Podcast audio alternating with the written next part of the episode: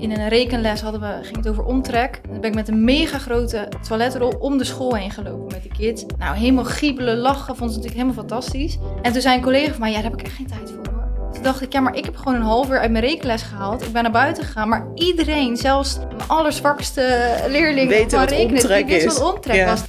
Hartelijk welkom bij de podcastserie van Onderwijs Maak Je Samen.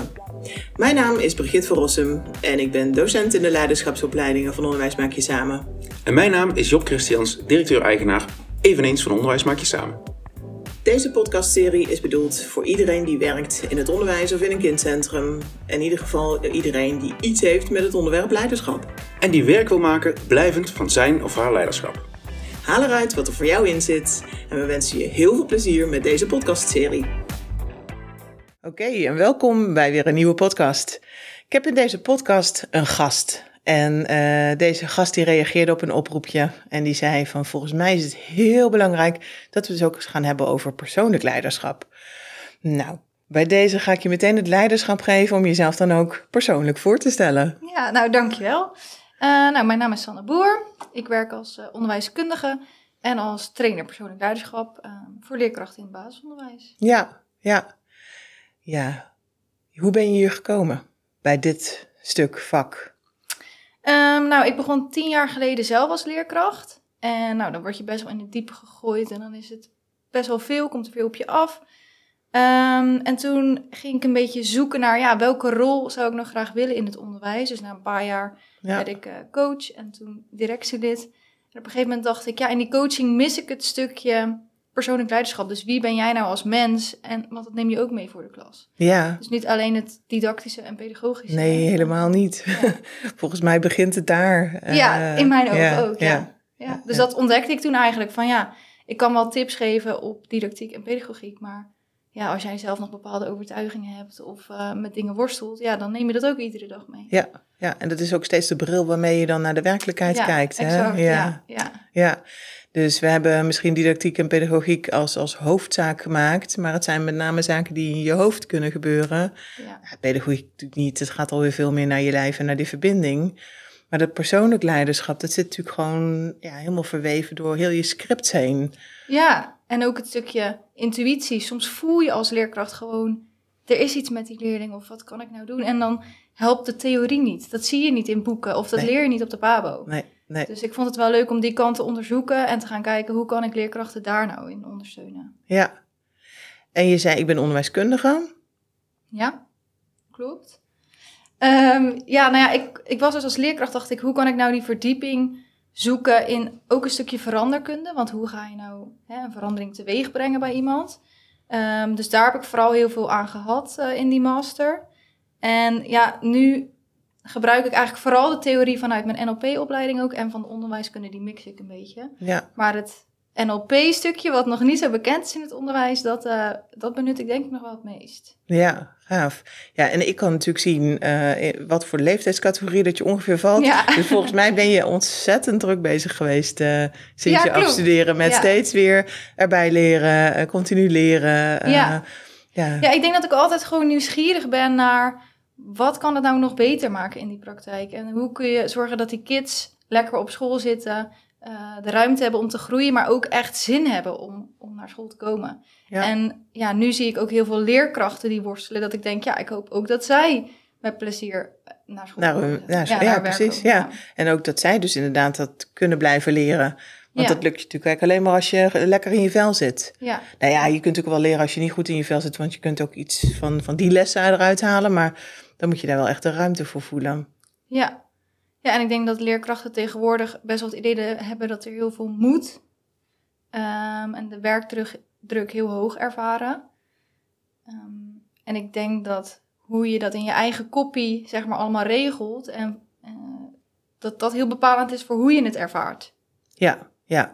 Ja, en eh, ik durf hem zelfs wel los te koppelen van alleen maar de leerkrachten, maar gewoon iedereen die in een schoolorganisatie Ja. werkt, Ja. hè, dus ook de leidinggevende. Ja, wat, wat zijn dingen eh, waarvan je zegt van, oh nee, dat, is, dat zijn echt ehm, ja, game changers, om het zo eens te noemen. Ehm, voor de leerkracht bedoel je? Of? Ja, gewoon voor, voor, voor de professional die in de school werkt. Ja, ik denk echt dat stukje bewustzijn en zelfkennis. Dus als je echt heel goed van jezelf weet hier ligt mijn kracht, hier ligt mijn valkuil. En daar dus ook hulp bij durven vragen, want dat blijft ook, dat Ja. doen we allemaal liever niet. Nee. We doen het liever Nee. allemaal zelf en we redden het wel. Ja. Maar als je daar denk ik heel bewust van bent en dat accepteert, dan, ben je, dan wordt het allemaal al zo een stuk relaxter. Ehm, dan gaat de spanning eraf. Zeg Ja. maar, van, eh, Wat kunnen mensen daar zelf in doen? Ehm, ja, ik denk dus een stukje persoonlijke ontwikkeling. Eh, dus ja, je hebt allerlei boeken die daar, eh, die daar natuurlijk over gaan. Of een cursus volgen op dat gebied. Dus ik denk echt, ja, zelfkennis. Ja. Dus na jouw oproep zitten gewoon de trainingen voor persoonlijk leiderschap, die zitten vanaf nu gewoon vol. Ja, dat denk ik. Ja. Ik hoop het. Ja. ja, nou ja. Wat doe jij als je met ze werkt? Want, want training, cursus, boeken, eh, maar jij komt juist heel erg naast de mens staan. Ja. ja, ik doe meestal in de ehm, lesbezoeken, zeg maar. Want ik heb gewoon coaching on the job en dan trainingen. En in de coaching doe ik een combi van je leerkrachtvaardigheden en persoonlijk leiderschap. Want vaak hebben ze toch ook echt wel tools nodig voor in de praktijk. Dus een soort van korte termijn en lange termijn oplossing. Ja. Dat ze ook echt morgen al iets kunnen doen, maar ook wel aan het diepere laagje werken. Ehm, en in de trainingen ehm, is het vooral echt dus dat stukje eh, zelfinzicht. En ja, dan gaan we best wel een laagje dieper in welke overtuigingen heb je, of wat heb jij vroeger meegemaakt op de basisschool, wat je meeneemt, of eh, wat zei eh, je vader of moeder altijd tegen je, wat je moest doen en wat je nu ook altijd meeneemt in je onderwijs, zeg maar. Dus echt dat laagje dieper, zeg maar. Mooi. Wat, wat kunnen schoolleiders hiermee? Behalve voor zichzelf, maar ook, ja. Ja, ik denk ruimte ervoor maken. ja. Ik denk nog steeds dat heel veel niet beseffen hoe belangrijk dit topic is. En dat ja, je kan een taalcoördinator, een rekencoördinator en weet ik veel wat allemaal voor experts in je school hebben. Maar als mensen niet goed in hun vel zitten of, of worstelen onderhuids met iets, dan ja, zie je dat gewoon terug in, in de groep. En meestal dus in de sfeer in de groep en hoe zij op reageren op kinderen en kinderen op hen. ja. En de sfeer in de onderlinge samenwerking tussen Ja. collega's. Ja, dus ik denk alleen al het besef van: oké, dit is een belangrijk iets en hier wil ik mijn collega's in ondersteunen en de mogelijkheid geven om een opleiding of wor- workshop of iets te doen, dat dat al heel helpend zou zijn. Ja. En ik denk ook veel in de groepen zijn. Ik zie, ehm, ik was laatst op een school en daar zei eh, mijn coachie zeg maar van, ja, mijn directeur komt eigenlijk nooit, nooit eens in de klas. En het hoeft niet per se gelijk een observatie te zijn. Nee, helemaal maar je kan niet. ook eventjes binnenwandelen en even je gezicht, ik zie jou. Ja. Hoe gaat het met je? Even oogcontact maken. Ja, ik zie jou is de belangrijkste. Ja. Ja, niet ik beoordeel jou. Nee, ik Exact, zie jou. ja. En dat is voor dan- mij als externe wel weer makkelijk. Dat krijg ik eigenlijk altijd terug in de coaching. Dat ik, ik ben extern, dus ik oordeel niet. Nee, nee. Beoordeel niet en Nee. oordeel niet. En jij maakt er dus de tijd voor, omdat je die tijd ook gekregen en gegeven eh, Ja. eh, wordt.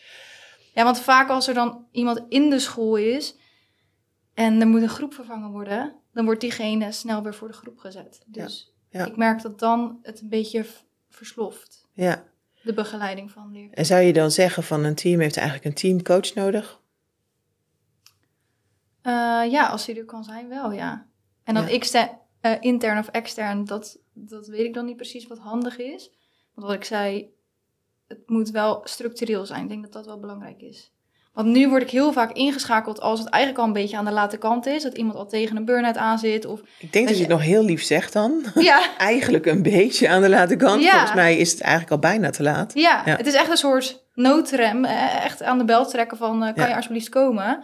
En dat ik denk, oh, had me even een paar maanden geleden ingeschakeld. En dan hadden we al veel eerder ehm, interventies in kunnen Ja. zetten. En ja, had het waarschijnlijk helemaal niet zo ver gekomen. Zeker. En wetende in wat voor sector dat je zit, hè, dat mensen Ja. eh, in het onderwijs toch al makkelijker over hun eigen grenzen heen gaan, omdat ze het graag zo goed willen doen. Ja. Ehm, ja, voor de kinderen, voor de klas. Het moet Ja. doordraaien. Hè?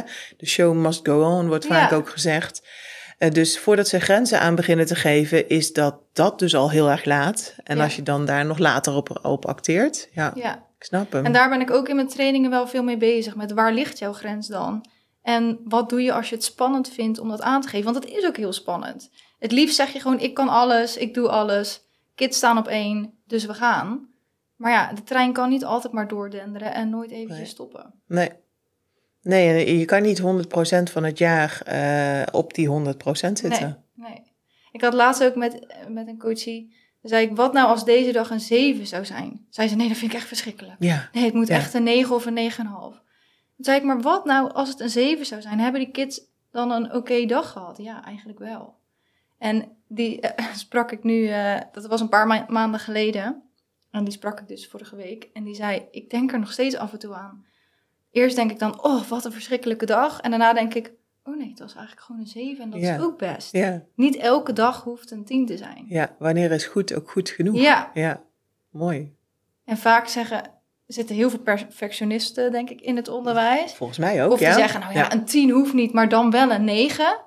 En dat ik, ja, een 7 is ook prima. Misschien is het wel een keer een 6 of een 5. Ja, het overleven die kids ook wel. Mooi. In ons voorgesprek hadden we het over het woordje sparkle. Ja, Dat betekent, dat betekent iets voor je. ja nou ja, toen ik zelf voor de klas stond, toen eh, als dan zo'n kind op je afkwam en zei, juf, juf, kijk wat ik heb ontdekt.